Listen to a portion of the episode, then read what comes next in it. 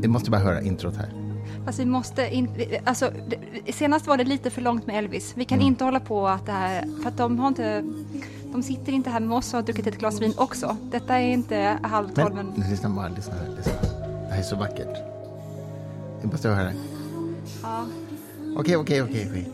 Okej, okej. Jag har ju spelat från det här kanske kan förr. säga vad låten heter så kan de lyssna på den själva sen. Ja, men precis. Jag tänkte just det att det här är ju en... Jag har ju spelat från det här förut. Det är ju från Jämtel. Filmen på, baserad på Isaac Bashevis Singers roman, The, eller novell, The Yeshiva Boy.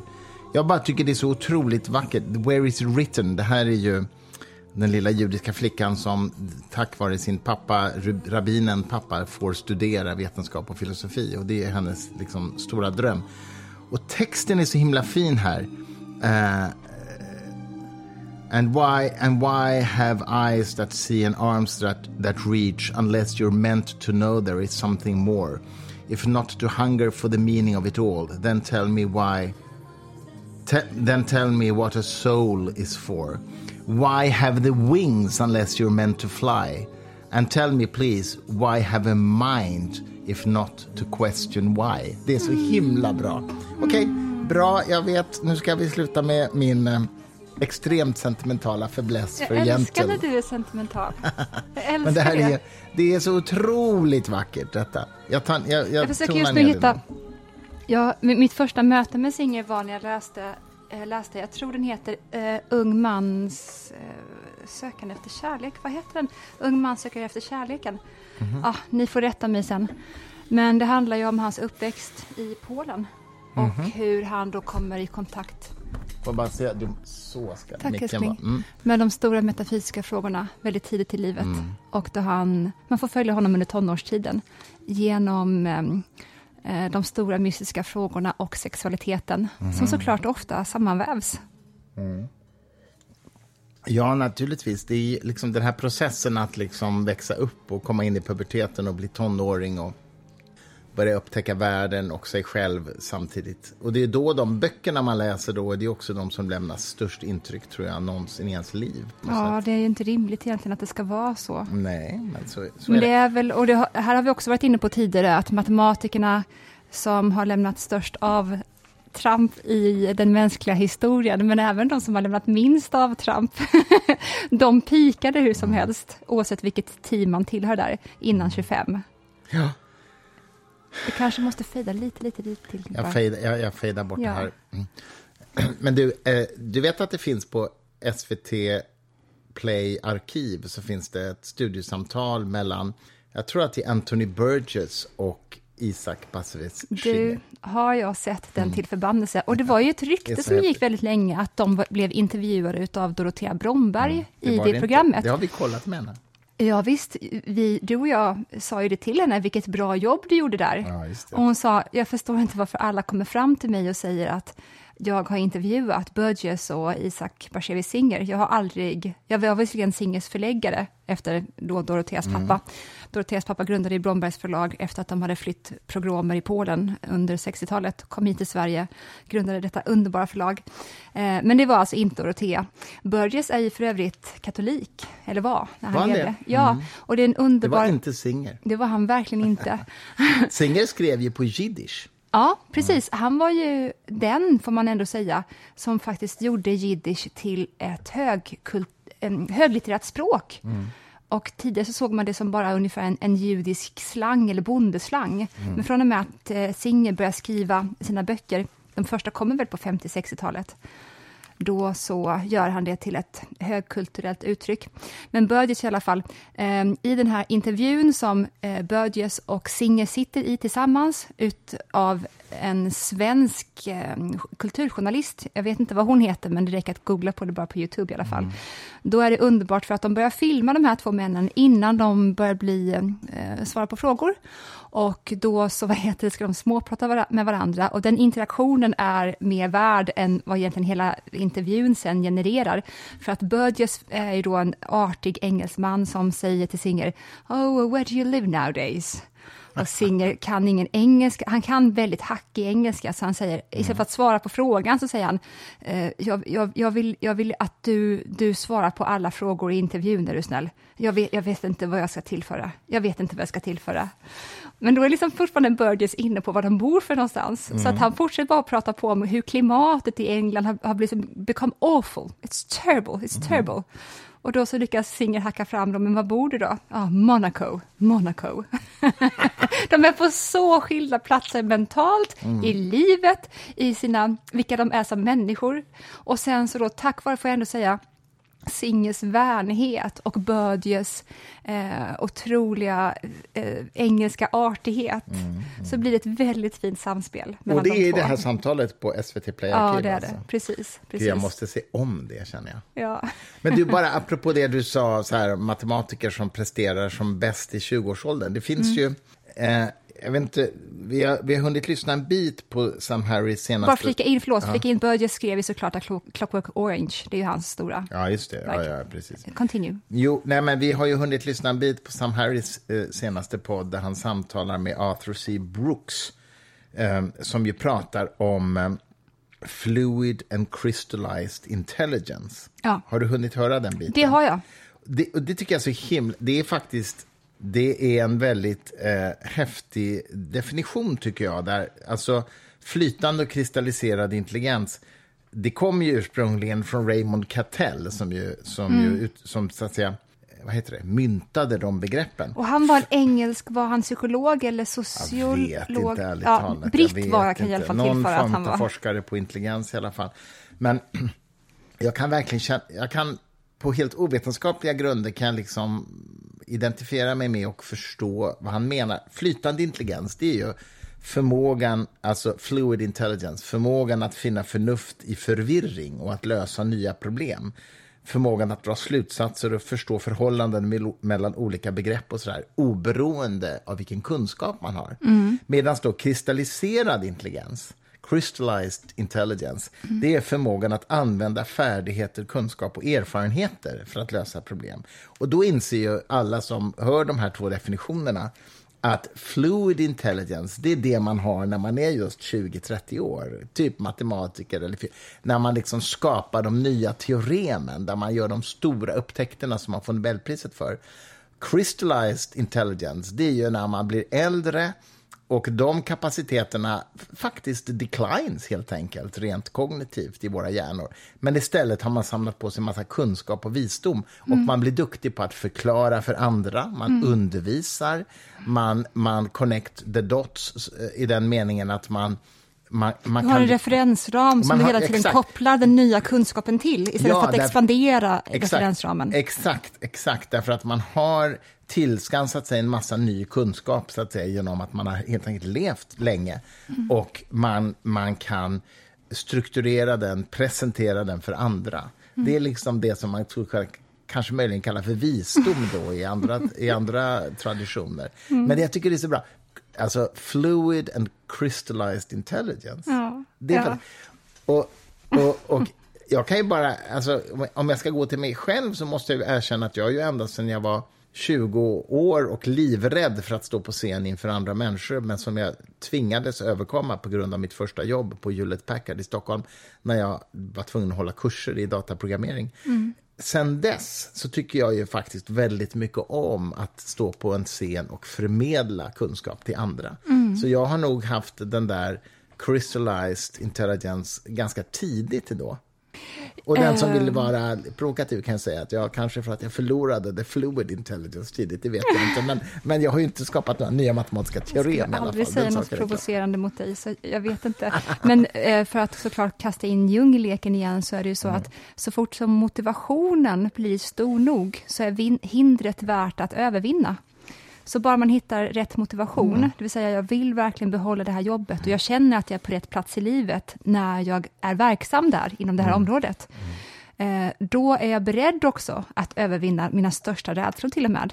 Men det är inte lätt att övervinna sina värsta rädslor av bara ett överjag som kommer in Nej. och säger jag borde fixa det här. Det, kom, det, så, det kommer ingen, människor kommer fortsätta väja då från det om och om igen.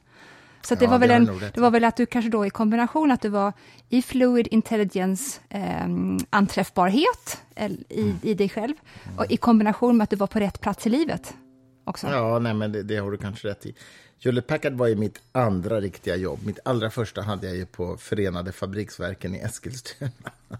Och programmerade såna här ballistikprogram för att analysera skytte, vad heter det, skjutvapens eh, ja, banor. Skjutban, ja. Och Till tredje världen.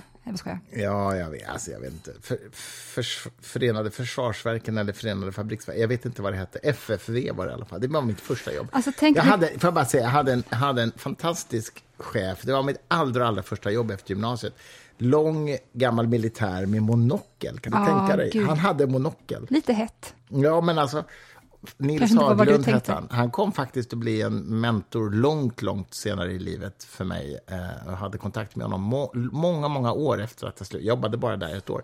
Men jag kommer aldrig glömma mitt första utvecklingssamtal med honom när jag som typ, ja vadå, 17-18-åring kallas in på mitt första utvecklingssamtal. Jag jobbade där ett år och så säger han till mig, unge herr Sturmark, du sitter i fikarummet och pratar dubbelt så mycket som alla andra. Men du programmerar dubbelt så snabbt som alla andra, så det är okej, sa han. Det var liksom den första feedbacken jag fick som anställd av någon. Mm, hur kändes det? Nej, men jag var ju livrädd och jag visste inte riktigt. Träffades du utav det på något vis, tror du? Alltså fick du, för att eh, de här människorna som, eh, apropå vishet, har levt längre än vi, det gör ju någonting med oss när de fäller ett omdöme om oss, ja. på ett annat sätt än ifall någon jämnårig kommer och fäller ett omdöme om oss. Mm. Det, det finns en helt annan tyngd i deras blick, Mm. oftast. Ja, ja, nej, men alltså, jag hade ju en otrolig respekt för honom. Han var ju en, han var ju en skräckinjagande person, men väldigt fin. Och jag har, Det är den bästa kombon. Ja, ja, och, och jag har alltid liksom, och som jag sa, jag hade kontakt med honom 30 år efter detta. Ja. Och eh, jag menar, han har varit, han har, han har varit här och jag satt på mig där jag bor nu. Här, liksom, Det är det, som kall, det är det som är en sund auktoritet, en frisk auktoritet. Men det, sen kom jag till Hewlett Packard och då tvingades jag hålla kurser för, för kunder. I, alltså jag hade typ 20 personer som jag skulle undervisa i dataprogrammering. Och det var det lä- alltså, jag var livrädd innan jag gjorde detta första gången. Men jag överkom det och sen så har jag ju hållit hundratals kurser genom åren. Så att det blev ju början på min liksom, karriär att, att undervisa. Men, eh, men jag minns att det var fullständigt skräckinjagande. Alltså, ja. faktiskt. Ja, tänk vad det ändå gör med den att man måste över, eller gå Mm. igenom, eh, man mår väldigt dåligt och allt inom en reagerar på ett visst sätt. Mm. Men man ska hur som helst inte vara alldeles för, eh, man ska inte ta sitt signalsystem på allvar allt för ofta, Nej. hur som helst. Väldigt Nej. ofta är det ju så att mycket Man ska utav, det, ja, men, ja, väldigt mycket Nietzsche där också. Och Sen så är inte, ska du ta en bild nu när jag håller på att prata? Jag orkar inte Sture, så vi kanske Nu- kan göra det sen efteråt. nu tar vi en Okej, selfie här. Jag säger som en parentes också, apropå mon- att han hade monokel, varför Mm. han nu hade det förresten, man får ett väldigt uppspärrat öga på ena sidan av ansiktshalvan. Mm. Men det var någon som sa, när nu då, ja, det var en engelsman som sa, varför i helvete är vi bara bra på monokelsporter? Vad är en Mono- monokelsport? Ja, men det är typ cricket. Cricket. Cricket? Ja, men, ja, det är en monokelsport. Det är någonting Varför som... då? Ja, men det är för att det är sånt som ungefär Gust V-Gurra spelade, Gustav V. Man står och är lång och smal i någon utstuderad klädsel och röker i mellanslagen. och sen så, vad heter det, dricker man lite sherry och så, så slår man till lite grann. det är en monokelsport. Ja, ja, I like that. Jag älskar det uttrycket, eller hur? Ja, ja, Men var, det- var ju någon som också, vänta, det var ju Patrik Sjöberg, ja det är inte alls samma sak det här, men han satt ju och rökte mellan Gjorde han hoppen. det? Ja, det är också Nu ett, hör han helt andra saker, det ska vi kanske inte... ja, det är han verkligen. Men han, har säkert, han, är, han är säkert på rätt plats i livet på många sätt i sitt Mm. utövande. Apropå sport, så en av mina ungdomsidoler var ju Christer Strömholm som grundade Svenska Fotoskolan, som är en av Sveriges, eller internationellt mest kända fotografer, svensk. Hans son Joakim Strömholm är faktiskt en god vän till mig, men Christer Strömholm lev, är ju död sedan många, många år. Men han, jag har ju ett citat av honom på kylen här uppe, det vet du. Mm. Magnetcitat där han säger, var rädd om din kropp, undvik all form av idrott. Men hans finaste citat, som är på en fotobok som jag har någonstans här i biblioteket, det, det är bara det här. blunda och se. Ja, Det, det tycker jag är fint. det är väldigt fint. Christer Strömholm. Du vet, du vet hans, hans fantastiska bilder från Paris, Ja, absolut. bland annat, som är han Absolut. jättekänd för. Ja, visst.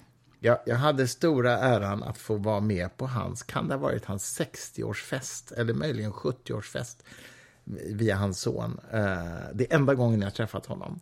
Eh, fantastisk person. Vad gav han för int? vad- Hur tyckte du att han verkade vara?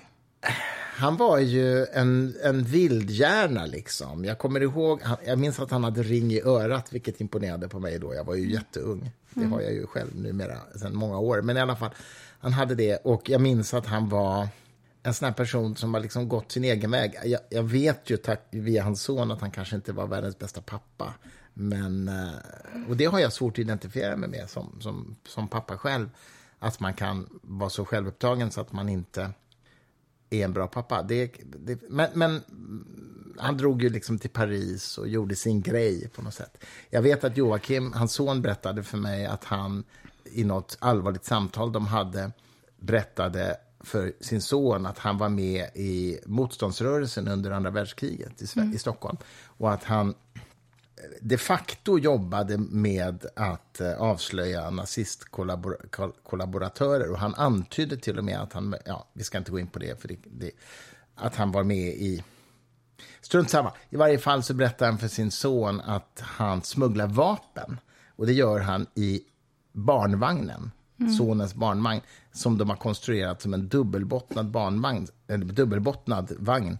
Så att han har typ så här granater och vapen under själva... ingen bebis över förhoppningsvis? Och då i den här intervjun som hans son gör med sin pappa så säger han, okej, så du smugglar vapen i barnvagnen när du tog upp på stan. Var är jag då? Ja, du låg ovanpå naturligtvis, Nej. säger pappan i den här intervjun. Det är filmat, det finns filmat. Okej, okej. Nu kan inte jag så mycket om vapenteknik, men jag hoppas att det är då så att i de här granaterna så måste man tillföra något element som inte kunde tillföras när de låg på vagnen. Man måste ta under. bort säkerhetspluggen för att de ska kunna explodera. Ja, någon sån sak. Ja, Ja, Då är det lugnt. Då kan man göra så.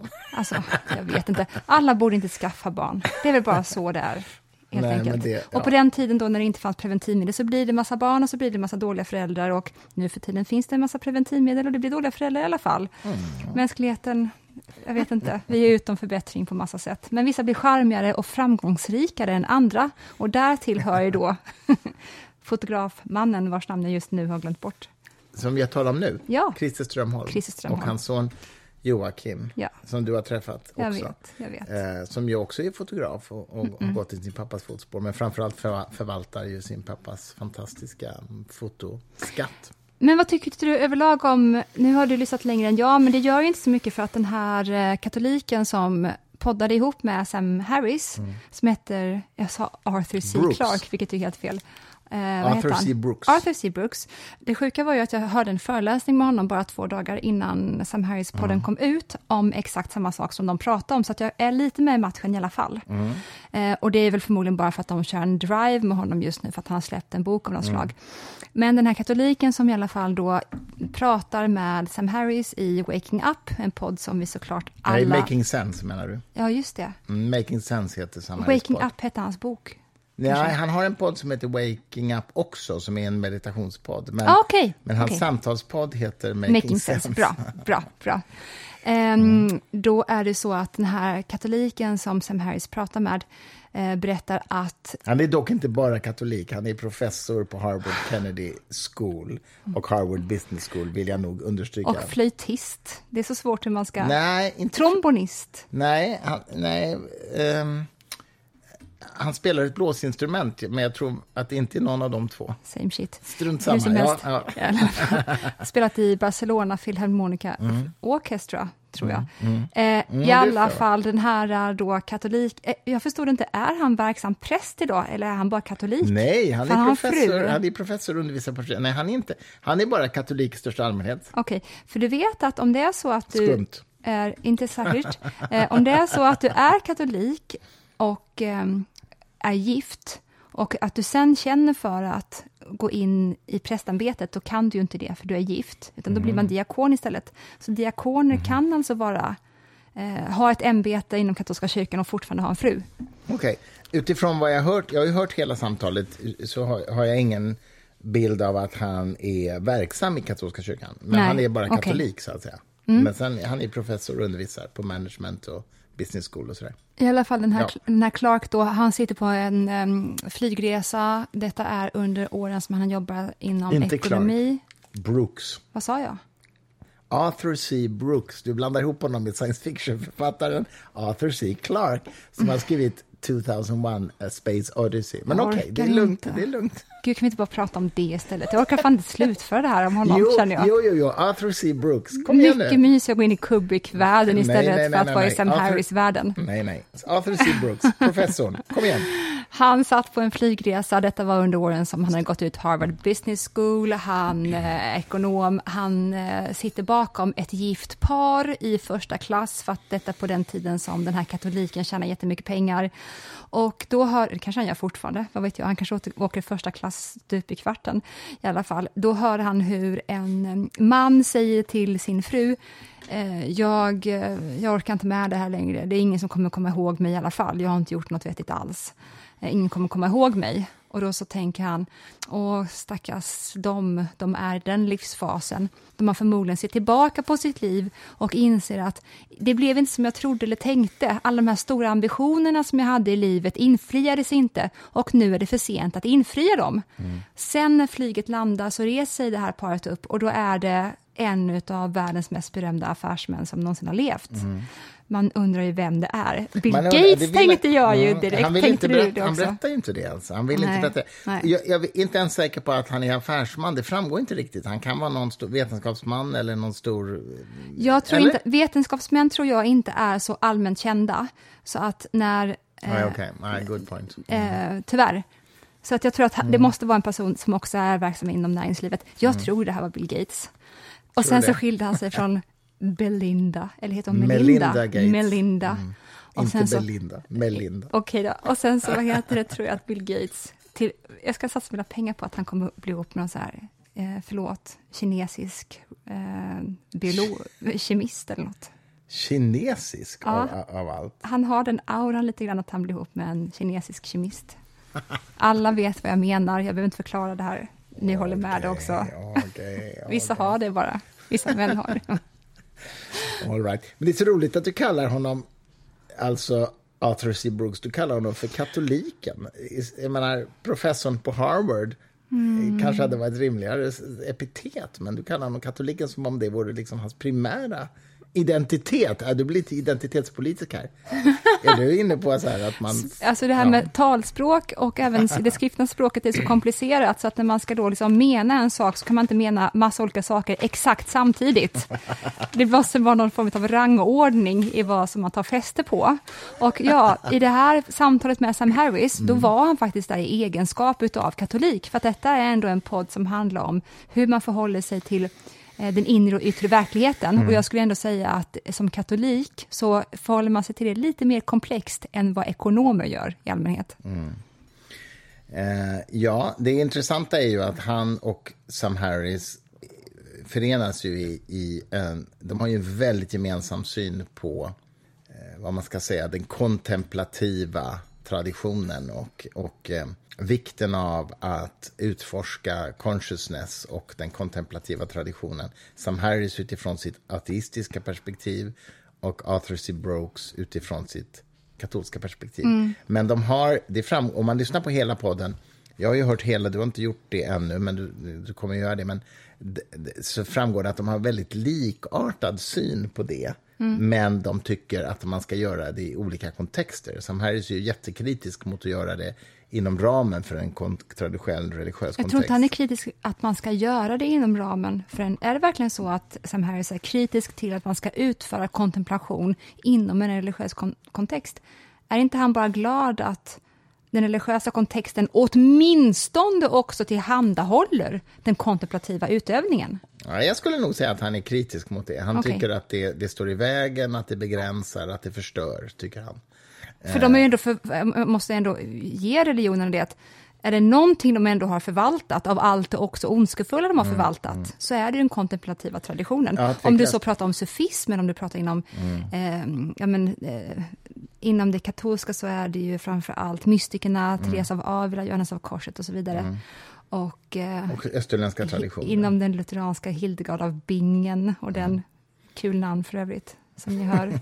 ja, bingen liksom. Ja. Nej, men, Ek, eh, Meister Eckhart. Mm, det är inte, hon, han är inte lutheran. Skitsamma, man får ändå ge dem då, det. Ja, ja, har- nej, men absolut. Sam Harris skulle då säga, och jag är ju på hans sida där, att, att, att eh, eh, det, det, det är ju ett litet, ett litet positiv... Liten, det kommer ju på pluslistan, men minuslistan är så gigantisk. Så att det allra bästa... Sam Harris säger uttryckligen i den här podden, han hoppas att mänskligheten grows out of this. Att man Ja. lämnar detta. Men att, man behåll, men att han säger, but don't throw out the baby with the bathwater. Jordan B. Peterson-uttryck för övrigt. Ja, jag vet, jag vet. Och det, ja, vi har ju pratat om honom förut. Jag är inte så imponerad. Ingen av oss är särskilt imponerad av honom när det gäller hans, nu, hans nuvarande position som liksom, Youtube-kändis. Men som Harry säger, att den essensen som vi nu talar om, den vill han ju ha kvar. så att säga. Han hoppas att man inte slänger ut den. Men det, det övriga religiösa hoppas Sam Harris att vi ska växa ur som mänsklighet. Medan då Arthur C. Broke säger att Nej, men jag har valt att verka inom den katolska traditionen för att utföra de här sakerna. Så de är oense om detta, men de är otroligt eniga om att den här kontemplativa traditionen är otroligt viktig för, för happiness och välbefinnande, så att säga. Viktig, den är, den, är, den är omöjlig att separera sig ifrån. Ja. Det är en del av vår mänskliga natur, skulle jag till och med våga hävda. Ja, jag skulle inte... Så här, den, den är ju uppenbarligen inte omöjlig att separera sig från eftersom en massa människor gör det, men de Det förlorar tror, de, det, kanske tror, något. det tror de att de gör. Alla inbegriper i en kontemplativ natur, Mhm. så, eller kontemplativt utövande, så fort de tar en promenad, i princip. Ja, okej, all right. Det är därför de tar en promenad. Ja, mm, ja, okej. Mm, ja, men då, okej, med den definitionen så håller jag förstås med dig i det. Ehm, Och det är för att inte bara vara... Av, av all uppmärksamhet vi ändå är kapabla att rikta mot någonting, så är det o, ett av de största beroendena som finns där ute, det är att rikta all sin uppmärksamhet mot ord som strömmar i tankeverksamheten. Ord som kommer kompulsivt, eh, meningar, eh, och dessa meningar har fortfarande någon sorts ursprung vid någon eh, någonting som man inte känner är helt eh, rätt i tillvaron, eller någonting som har hänt i tillvaron som inte är helt rätt. Och de här uh, meningarna bara rullar i huvudet om och om igen. Jag borde göra det här, jag är rädd för det här. Alltså det, har, det är väldigt mycket negativa tankeströmmar som vi bara kapas av om och om igen. Och om vi inte på något vis bryter dem genom att ta en promenad eller genom att meditera, då är vi bara fast med hela vår uppmärksamhet i en sån loop, där vi bara snurrar runt om och om igen. Istället för att bli närvarande vid att jag är mycket, mycket mer än det jag tänker. Jag består av mer saker än mina tankar. Eh, och jag kan till och med när jag, när jag då återgår till den här platsen i mig själv, detta är ju Sam Harris rakt av, när jag återgår till den här platsen som till och med min uppmärksamhet springer utifrån, då kan jag till och med välja vilka sorts tankar jag ska generera och därmed också bli mer produktiv och hitta eh, vad tjänar mig bäst just nu. Men du, du praktiserar ju rätt mycket det här, liksom en slags zen-buddhistisk zen-buddhistisk kontemplativ eh, meditation, eller vad man nu vill kalla det. Vad, vad är det som du upplever att det ger dig i vardagen? Eh, ifall jag inte väcker mig själv om och om igen.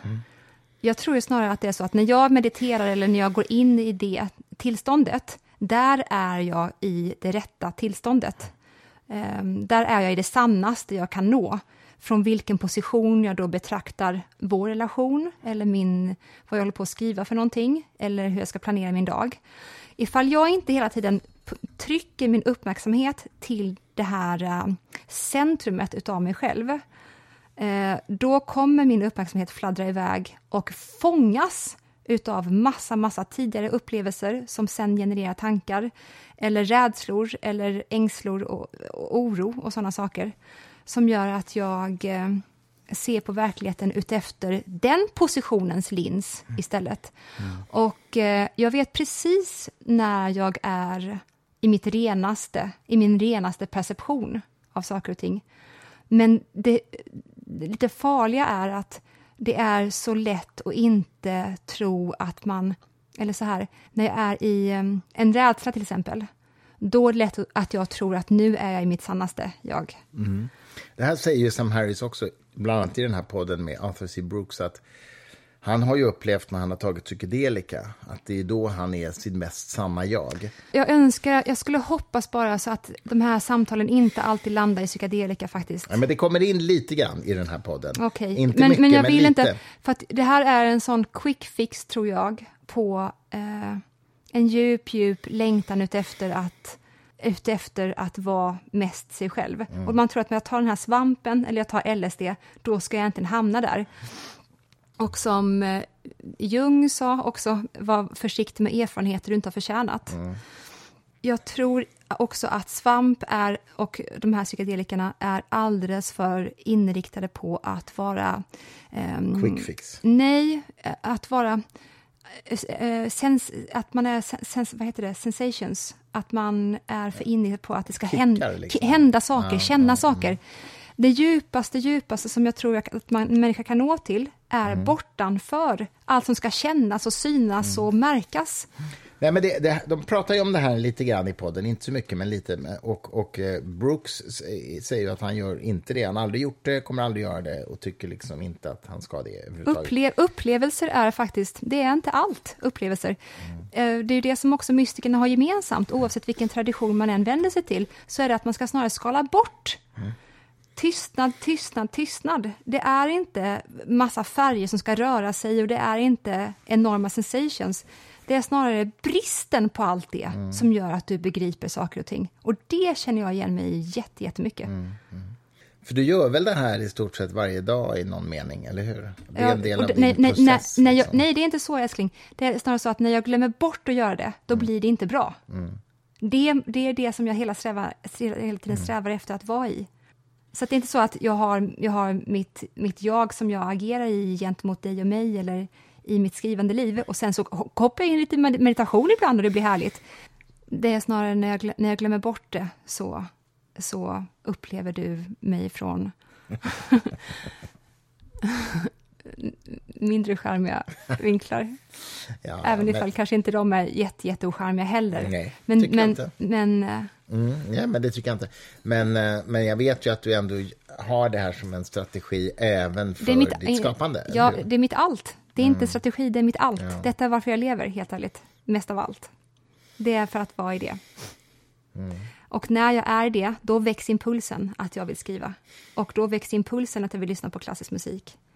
Men det är mitt, det är mitt, det är min core, det här. Nu ska jag hämta mer champagne. Ska du det? Ja, men gud vad bra. Ska du pausa? Jag pausar. Nu pausar vi.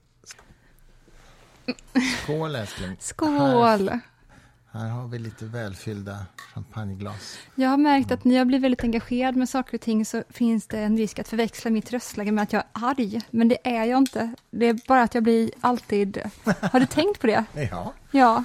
Nej, men jag, tror inte, ja, men jag vet att du inte är arg, men jag, men jag kan möjligen tänka mig att folk kan tro det i vissa fall. Mm. Men jag har lärt mig det. ja. Du blir bara väldigt engagerad. Jätte, jätte. Och helt ärligt, jag känner en till som blir likadan. Mm, Jag vet. Jag är Ja, likadan. vi är exakt likadana med detta. Det är bara det att hittills så... Eller vänta, jo det kanske vi har.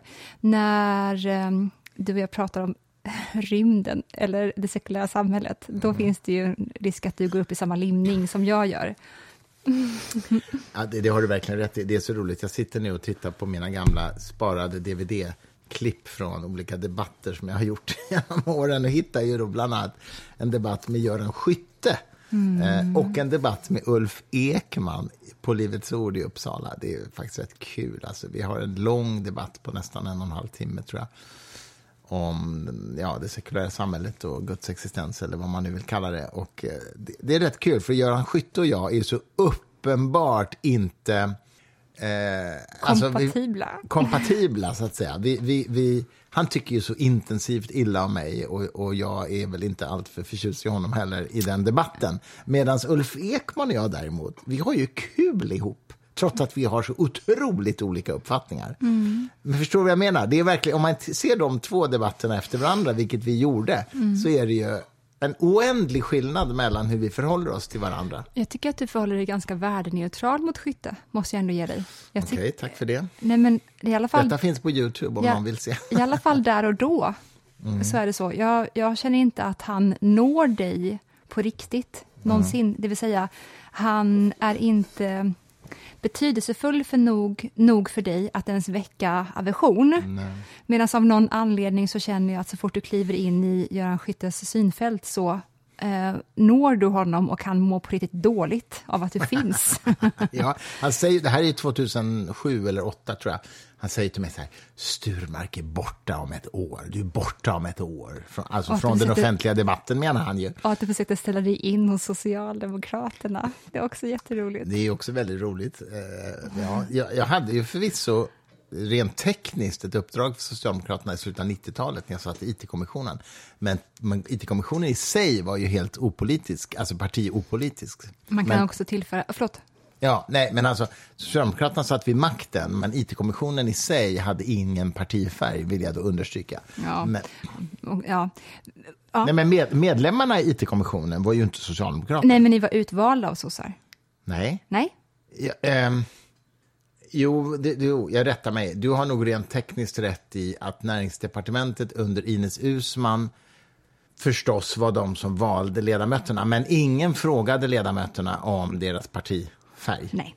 Så. Och vad man ändå kan ge dig så är det väl verkligen att var det någonting som du inte gjorde i slutändan så var det att ställa dig in hos sossarna. För att det gick ju inte toppen mellan dig och Ulrika Messing. Nej, Nej, det, det, var, det, är ingen... Ja, det var ingen höjda. Det är ingen romanshistoria där det inte. var ingen romanshistoria. Det var ju, det var ju andra IT-kommission, eller det var egentligen IT-kommission rent tekniskt, men det var något som hette IT, regeringens IT-politiska strategigrupp som jag var ordförande för i början på 2000-talet.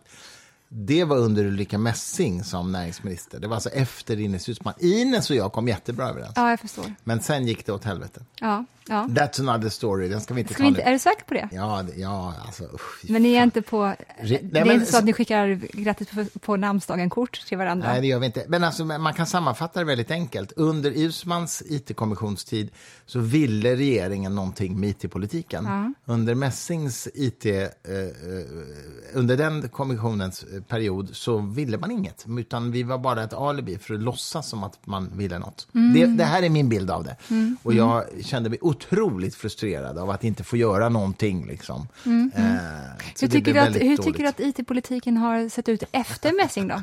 Om du, ska bara, om du, om du är nöjd med Usman, mm. missnöjd med Messing, mm. hur har kurvan Ja, just nu är det ju för jävligt. Jag skrev ju på en debatt om det här för ett par månader sedan. Alltså, Sverige är ju sämst inom OECD när det gäller digitalisering av den offentliga sektorn. Samtidigt som vi är ju bäst, kanske, eller bland de bästa i världen med vår IT-entreprenörskap, Klarna och Spotify och sådär. Mm. Det här är ju eh, patetiskt och det är en skandal och det är ett fiasko och det, är en, det här är en stor fråga. Nej, så mm. att jag är inte imponerad av läget just nu. Nej.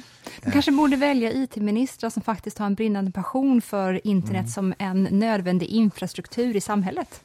Ja, definitivt. På samma sätt som man kanske borde välja kulturministrar med en brinnande passion för den kulturella ådran ja. och hur, se hur den är nödvändig. Ja. Men framförallt så borde man ju ha en IT-minister som eh, kan någonting om IT. Är mm. ju en fördel. Ja. eh, IT och internet alltså. Och hur kommer det sig egentligen att man delar ut ministerposter till människor som inte har varken utbildning eller erfarenhet inom de verksområdena som de ska figurera inom? Hur är det möjligt att man kan bli Inga, alltså detta är inte riktat mot någon specifik som sitter just nu, men hur kan man typ bli miljöminister utan att ha en bakgrund inom miljöfrågor mm. ja, eller men, en utbildning ens? Det är en bra fråga. Jag, jag tror att det finns jag tror att det finns någon slags idé om att man ska vara en representant för folket och folket kan Det är det dummaste jag har hört. Mm, jag vet. Och det där går ju i linje med att, jag menar du och jag, vi har pratat många gånger att när Aktuellt och Rapport har sina reportage så intervjuar de mannen och kvinnan på gatan för att fråga vad de tycker. Halva jävla programmet går åt att prata med inkompetenta Oj. medborgare på gatan som ska tycka till om någon jävla fråga. Om det nu är Nato eller, eller bensinskatten eller vad det är. Och det är totalt poänglöst. Jag vill höra experter säga någonting om detta. Så om, jag lär mig något. Om det här hade varit en scen i engelska The Office eller amerikanska The Office, då hade min blick möts, mött, sett in i tv-kameran just nu för att kolla om lyssnarna uppfattar det här enorma bottenlösa klassföraktet som du just nu gör. Fast, det, fast jag håller inte med om... sluta, jag skojar. Ja, jag lämnar ju det... ut dig nu, jag tycker ju likadant. Jag vet, och, och jag, jag håller inte, faktiskt inte med om att det är klassförakt. Det är, kompet, det är inkompetensförakt. Därför att mannen och kvinnan på gatan kan ju i regel inte särskilt mycket om den frågan de får en fråga om. Och det är ju helt poänglöst att fråga dem om detta. Ta dit en expert som istället i studion, eller två experter som tycker olika, så att vi kan få höra goda argument som tittare på Aktuellt eller Rapport. Det är det som public service borde ägna sig åt. Det finns ju någon historia om Claes Eklund, ekonomen, mm. också pappa till Sigge Eklund, när han sitter och ser på Aktuellt när han då är talskrivare till Olof Palme, var han ju för mm, dess skull. Mm. Och hur de kallar in mannen på gatan och hur han bara sitter och vrålar, kalla in experterna istället! Och hur det då är socialdemokrater among him som mm. säger du, det där är inte okej. Okay. Mm. Det, här, det, här, det här är faktiskt folk, folkets röst, är den viktigaste rösten. Och han bara, nope. Kanske inte just i de här sammanhangen, för att de, inte de representerar ingen. Det är ju det som är problemet. Urvalet där ute är för eh, brett och vitt för att någon på, utanför Åhléns, där de alltid står för övrigt, och snappar mm. upp folk, ska generera någonting. Det säger oss ingenting vad Gertrud tycker, eller Sten. Fast jag, jag, tror inte att det här är, jag tror inte att det här är socialdemokratiskt. Jag tror att alla partier i princip har den här... Kanske ändå lite socialdemokratiskt, helt ärligt. Jag tror alltså, att det här är en, en, en, en, populistisk dimension av politiken som i stort sett gäller alla partier. Eh, nej, jag tror att det här är en populistisk ådra som gäller alla partier, faktiskt mer eller mindre. Herregud, Sverigedemokraterna är väl superpopulister? om, man ska ja. om man nu ska diskutera populism. Ja, Men, absolut. Ja. Och de vill verkligen höra mannen på gatan. Exakt. Det tror jag. Eller va, som Göran Hägglund, som jag ju gillar ja. som person, men jag hörde ju honom i Almedalen för ett antal år, år sedan, han talade om verklighetens folk. Vi mm. måste lyssna till verklighetens folk. Jag gillar ju Göran alltså, jag har haft med honom att göra lite grann. Han är ju en av de mest humor berikade faktiskt eh, Du skulle befriade en stund. Nej, inte humorbefriad, tvärtom. Humorberikade mm. ja. ja. Eh, men eh, nej, jag vet inte. Jag har svårt för det där. Jag har svårt för det där att man ska höra liksom banala kommentarer från mannen, kvinnan på vet gatan. Vet du vem jag tycker att Göran Hägglund är lite lik? Nej. Ulf Ekman. Håll med, det är samma... Jag tror inte Göran skulle bli så smickrad av det. Men du, okay. det tror jag. Jag tror inte att det bara är helt fel. Jag tror inte han är särskilt religiös. Göran Nej, men det behöver man inte vara. Utan det är snarare så att man har en approach som är full av värme och humor och trygghet i sitt anspråk när man talar till en stor grupp människor. Och det får man ändå ge Ekman att han mm. jag vet, jag hade, har, eh, han är katolik idag. Han lämnade Livets Ord. Ja. Han övergav sin församling. Övergav? Ja, men det gjorde han ju. Kom igen. Han Nej, byggde, men jag vet inte. Det han, känns bara så himla hemskt ja, men han, han byggde ju upp en, en framgångsteologisk, kristen, evangelikal, ganska fundamentalistisk församling. Mm. Jag var ju där, don't forget. Alltså, jag var ju student i Uppsala i slutet av 80-talet när, när Livets Ord var stora. Mm. Jag gick på Livets Ord-möten många gånger därför att jag wallraffade för en Aftonbladet-journalist som, som var portad. Har vi pratat om, har jag pratat det? Har om det, du. På, ja. det har du. Och, och ähm, eh, såg ju detta. Och det är klart att han har över... Alltså han, han sa ju att påven var ju Satan. Tänk ifall det var hans församling som övergav honom. Ja, fast det tror jag inte. Alltså, Fickman menade ju att påven var ju liksom nästintill antikrist. Jag har aldrig förstått varför påven är sånt jävla rött skynke för de som är inom frikyrkorörelsen. Nej, jag vet inte. Fråga inte mig. Det där är obegripligt. Men du, får jag, får jag... att du är så här. Som du bara, jag fattar inte alls hur man kan tycka att det är ett rött skynke. Påven har alldeles för stor makt i världen. That's another story. Det kan vi ta en annan gång. Kan vi ta en annan gång. Mm. Jag måste få säga en annan sak. Vi, vi ska ju ha valvaka här hemma hos oss den 11 september. Och det är faktiskt kul. Det kommer ju en massa folk, men bland annat en god vän till oss båda som är professor i nationalekonomi som håller på att skriva en bok om demokrati um, vad ska vi säga, demokratisystemet. Mm. Och, eh, och som har lovat att berätta i realtid om huruvida valresultatet skulle gett en annan regering om man inte hade ändrat vallagstiftningen 2014. Och det här var en nyhet för mig när, vi fick veta, när han skrev att han ville prata om detta under valvakan. Men det är alltså så att man har ändrat reglerna i valsystemet i Sverige 2014. Det är alltså bara åtta år sedan. Mm. Det är bara åtta år sedan. Och det jag, jag måste erkänna att jag inte riktigt vet exakt vad det innebär, men det handlar om att det finns någon slags utjämningsprincip i mandatfördelningen mellan olika valdistrikt mm. och, som handlar om avrundningsfel och såna saker. Och det roliga är att han har lovat att han ska prata om om vi får ett så pass jämnt valresultat som vi teoretiskt sett skulle kunna få, ja. så skulle det kunna bli så att vi hade fått en annan regering före den ändringen än vad vi kommer få efter den ändringen. Mm. Och det är, ju, det är ju ganska... Det känns väldigt trumpiskt att sen då gå ut och säga att ja, men... the, the election was stolen. ja, okej. Okay. Fast ja. inte på svenska okay, då, för det vore ju en, jättesjukt om Ulf Kristersson sa det på engelska. Det och sjukt. lite kul Men det här också. är ju en, en vallagsändringen är ju demokratiskt genomröstad i riksdagen förvisso, så kom, det är ingen som kan påstå att det var det. Nej, och det Men var det... ju elektorrösterna också, så att det är ju elektorrösterna, hur man skulle fördela dem mellan mm. de olika staterna, ja, var ju också ja, någonting som var demokratiskt. Det är bara det att Trump anser att eh, de felfördelades Ja, ja, men jag menar Trumps linje är, är ju så att säga fake news, men i det här fallet så är det ändå så att det är en lagändring som har gjorts. Ja, och det är ju ändå sant. intressant att om det visar sig att vi skulle fått en annan regering före den lagändringen än efter, det är ju ändå intressant. Det Att det kan hänga på en sån sak. Och vad är det då det i, det, i det den ändringen som gjordes, som anser att man eh, tjänar demokratin allra bäst ja, nu i dess nuvarande form. Vad, och då, vad är det för syften man tjänar när man gör en sån reglering? Mm. För det, de syftena måste ju komma ner till någon form av demokratiska kärnvärden mm. som man då reglerar efter. Mm. Det är inte så att några partipolitiker säger att vi tror att vi nästa val kommer vinna på mm. att göra den här ändringen. Mm. Det kan det ju inte vara. Man reglerar. Mm. Och det är det som också Barack Obama sa, eh, bland annat såklart, att eh, demokratin är ingenting som vi en gång har genomfört. Demokratin är någonting som vi hela tiden eh, förnyar och förändrar och mm. förbättrar hela tiden. Och det är det som är skillnaden mellan den totalitära staten och den demokratiska. Nu ska jag lansera ett förslag i realtid här. Oj. Tänk om vi till nästa podd ska bjuda in via Zoom professorn i nationalekonomi Tommy Andersson till att förklara vad den här lagen eh, faktiskt säger inför valet. För det är väl ganska intressant. För oss Vi kanske tar minst. lite närmare inför valet då eventuellt. Ja, så att det är så aktuellt som möjligt. Ja, det är absolut. Well, det, okay. Tommy är ju inte bara nationalekonom, eller vad är han? Nej, vad är han för Professor i nationalekonomi. Han är också en av våra favoritpersoner. Ja, ja, I, i, i mänskligheten.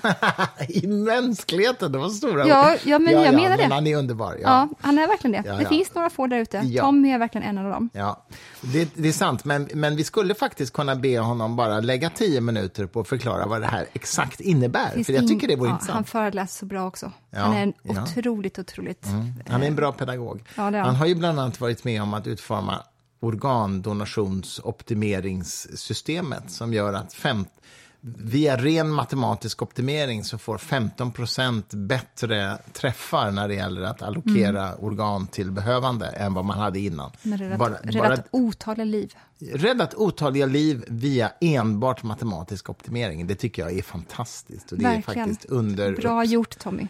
Bra gjort, Tommy. Och det är underuppskattat, så att säga. Det är inte många som vet om klokt. det. Du, jag måste bara säga en sak till.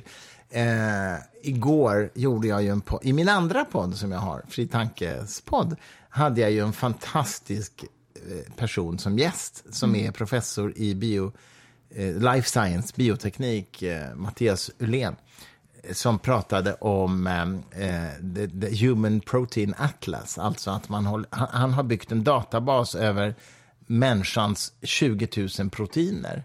Som och han, han, förklarade för mig, vilket jag inte visste, att när Craig Venter och Bill Clinton i viss mån gjorde det här stora projekt Hugo, att man kartlade hela mänskliga genomet på 90-talet, gjorde man ju det för första gången, så trodde man att människan hade 133 gener, 133 000 gener naturligtvis.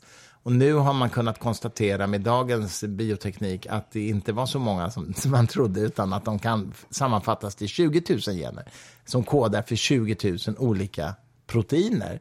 Och Mattias, som ju då förvaltar dels massa Wallenbergpengar för life science i Sverige och har startat massa bolag. Alltså en otrolig, både entreprenör och forskare.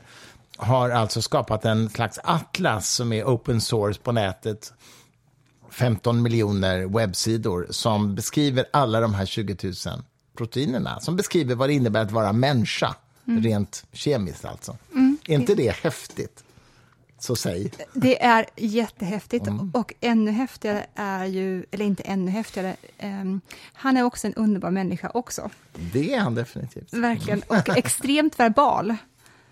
Eh, så att han är ju då en fantastisk språkrör för den forskningen som han har utfört. Väldigt få personer som har åstadkommit så mycket gott eh, för människan kan ju kommunicera det. Men Mattias kan ju verkligen kommunicera. Ja, verkligen. Och det där är ju tyvärr inte alltid så att det går hand i hand. Stora forskare kan vara jättedåliga kommunikatörer. Ja, ja, ja. Jag, jag bjöd hit för många år sedan en um, fysiker som heter Allan Sokal, eh, som är verkligen fantastisk. Det var ju han som gjorde den stora postmodernistiska bluffen. Han gjorde The So-Called Hoax. Ja, just det. Skrev, skapade en, en text som han fick publicerad i Social Text, en sån här Han gjorde en form av practical joke kan Ja, man kan säga, man säga. mot hela den ak- akademiska världen. Då han blottlade hur de är eh, inprogrammerade till en bias Mm. i hur de ska bedöma olika forskningsrapporter. Eller hur? Exakt, och han fick en, en, en text om fysik publicerad i en, en, en ans, väl ansedd tidskrift som jag tror hette Social Text, som var liksom så sociologi, eh, ja, eh, som var bara fullständig gallimatias. Vad hette han sa du? Alan Sokal. Eh, Och han gjorde alltså det här, han publicerade den här texten Mm. för att påvisa systemets brister. Eller hur? Exakt, ja, ja, exakt. exakt. Och det, han visade liksom att han får en, en seriös, eller förment seriös vetenskaplig tidskrift att publicera en text som bara är bullshit, kort sagt. Men det var bara... Han lurade systemet. Ja, men han gjorde det tack vare att han använde sig av vissa nyckelkoncept. Mm, Eller hur? Och vilka var de nyckelkoncepten? Åh, herregud. Det, det var trodde att jag ville eh, veta. Men nej, nej men det, det hade att göra med helt enkelt, ehm, ehm, inte en politisk bias, men det handlade med, om en politisk korrekthet som han... Ja, och det var ju den här avarten av postmodernismen, att man ska Precis. liksom, allting, alla sanningar i en social konstruktion och sådär. Och han utgick alltså från fysiken, och där han liksom i den här texten hävdade att fysiken är en social konstruktion. Och det köpte de, så att säga, trots att han bara bluffade. Ja. För att det är naturligtvis fysiken inte, Nej, det är den inte. Nej. Är det någonting den inte är? så är det en social konstruktion. Kanske språket man använder för Ja, en att annan sak. representera Ja, fysik är en beskrivningarna, social modellerna. konstruktion. Mm, ja, det, det håller jag med om. Verkligen. med om. Så att sociala konstruktioner är ju i allra högsta grad nödvändiga och extremt viktiga för att Yes. förmedla då sånt som inte är sociala konstruktioner egentligen. That's very true. Ja, men men men, min poäng, vad jag ville komma till bara var att Allan Sokal, som ju också skrev en fantastisk bok sen som heter Beyond the Hoax, där han skriver om, om ja, Han var så jävla nöjd var han efter detta. Ja, det är klart han var. Beyond the hoax, förlåt men snälla, det där är ju inte en bok, det är ju tre sidor. Nej, Fast det är en bok och den är skitbra. Ja, det är en bok, men frågan är om det borde vara en bok. Vissa Min böcker borde varit en baksidestext. Min poäng är bara att han eh, är ju dessutom en högt ansedd fysiker. Och det var den sämsta föreläsningen jag har sett. Nej, berätta, någonsin. varför? Nej, han tittade aldrig upp på, på, på publiken. Han hade skrivit någonting i förhand. Han läste till. Man hade lika gärna kunnat lyssna på en ljudbok. Liksom. Han, han mötte aldrig publiken. Det var, alltså, det, var, det var ett skämt. Det var ett skämt. Jag minns det så väl. Jag bara var helt paff. Vad fan liksom. gjorde du då? Nej, men ingenting. Vi gick ut och käkade middag sen på Men, Rydman nej, nej, nej, men sluta. Det här, vad Ja, men det går vad- inte att göra någonting när han står där Nej, i men talarstolen. sluta. Alltså, det är ju ändå så att du förmodligen när du sitter där känner ett ännu större ansvar att leverera publikkontakt. Förmodligen. Jag känner ju dig. Det är klart Mm. du kände det.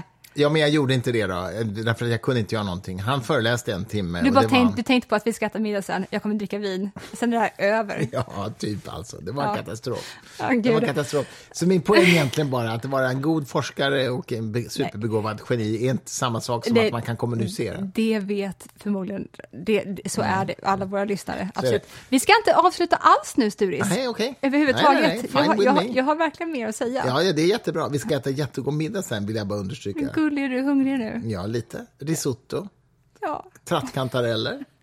Nej. Ja.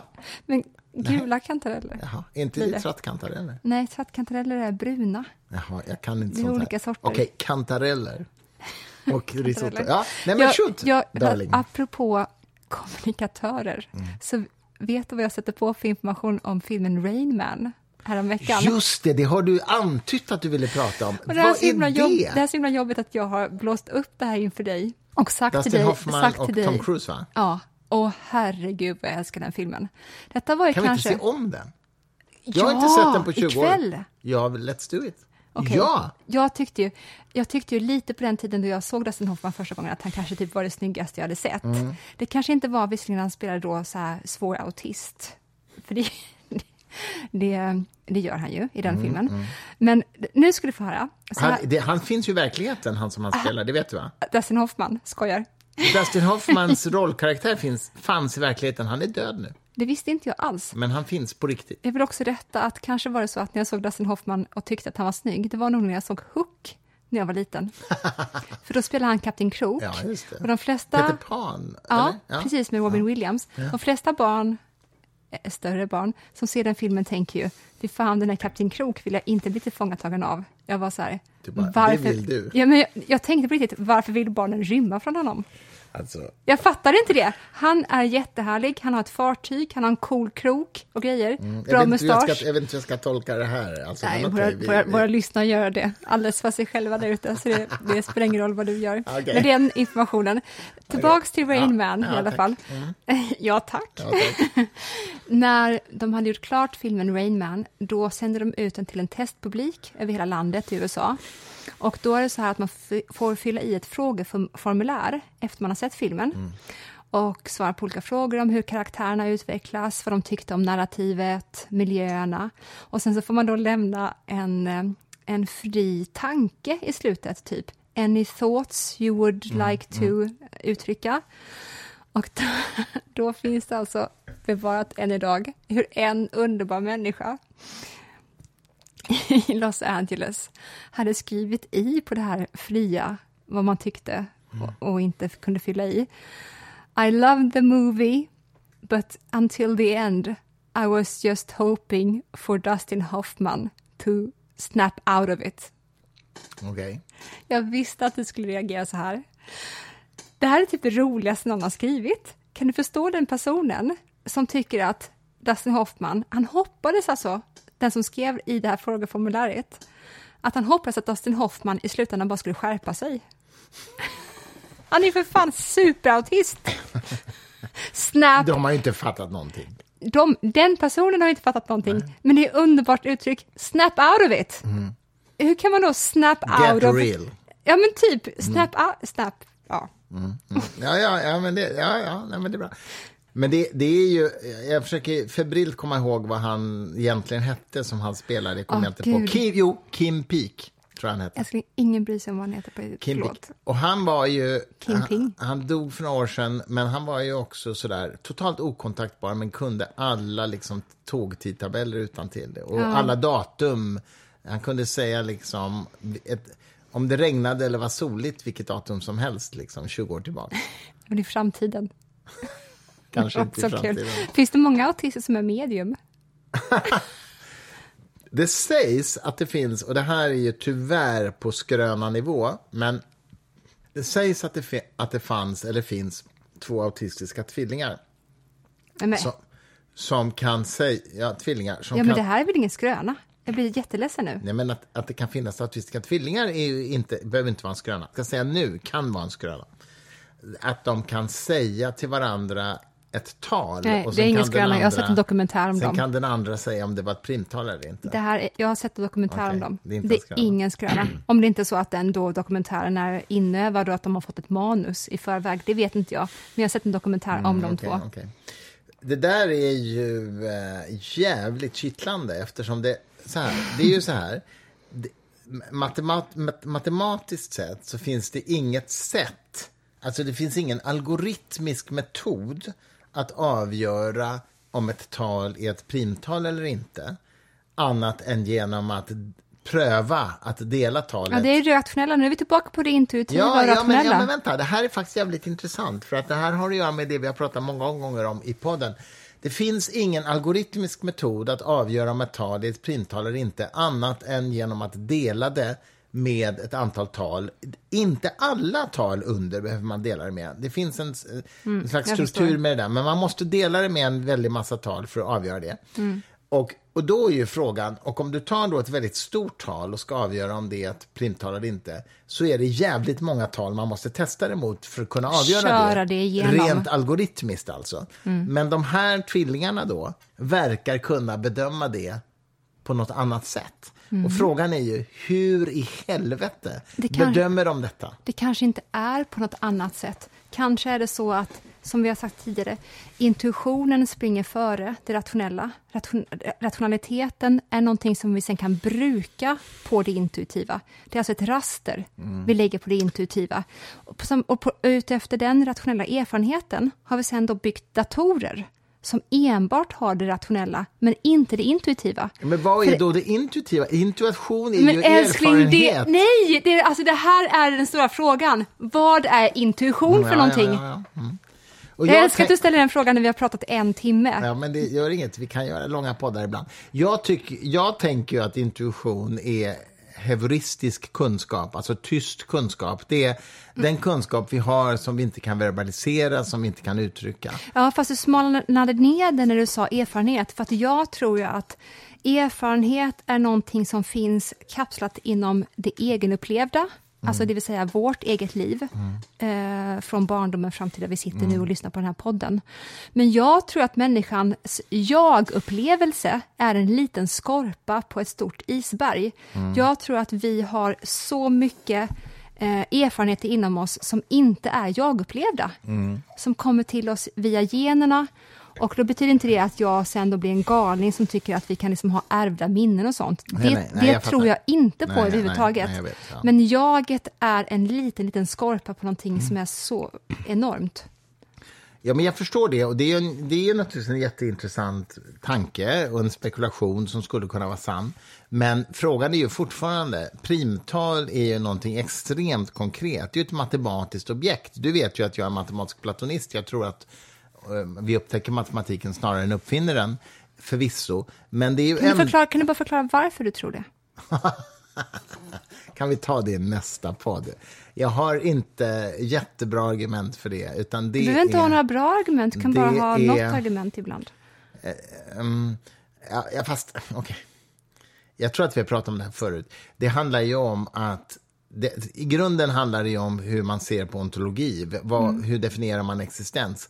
Jag skulle säga att primtal har ju ingen fysisk existens såklart, men de finns i den meningen att de är, kan inte vara på ett annat sätt någonstans i universum. De kan bara vara på ett sätt. De är inte kontingenta, som det heter på filosofiskt språk, Det är ett utan de är underbart nödvändiga. ord. Kontingenta. Kontingenta. Sök på det, det är Ja, underbart. kont, kon, de är inte kontingenta, utan de är nödvändiga i den meningen att de kan bara, de kan bara vara på det Mm. sättet de är.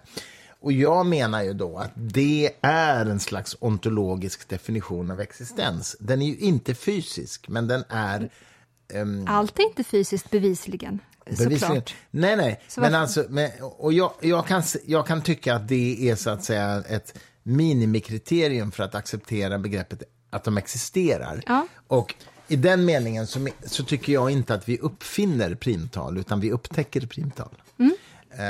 Jättebra. Det, det är väl den enklaste beskrivningen av varför jag är matematisk platonist. Då. Mm. Men, uh, gud, vad skulle jag komma med det här nu då?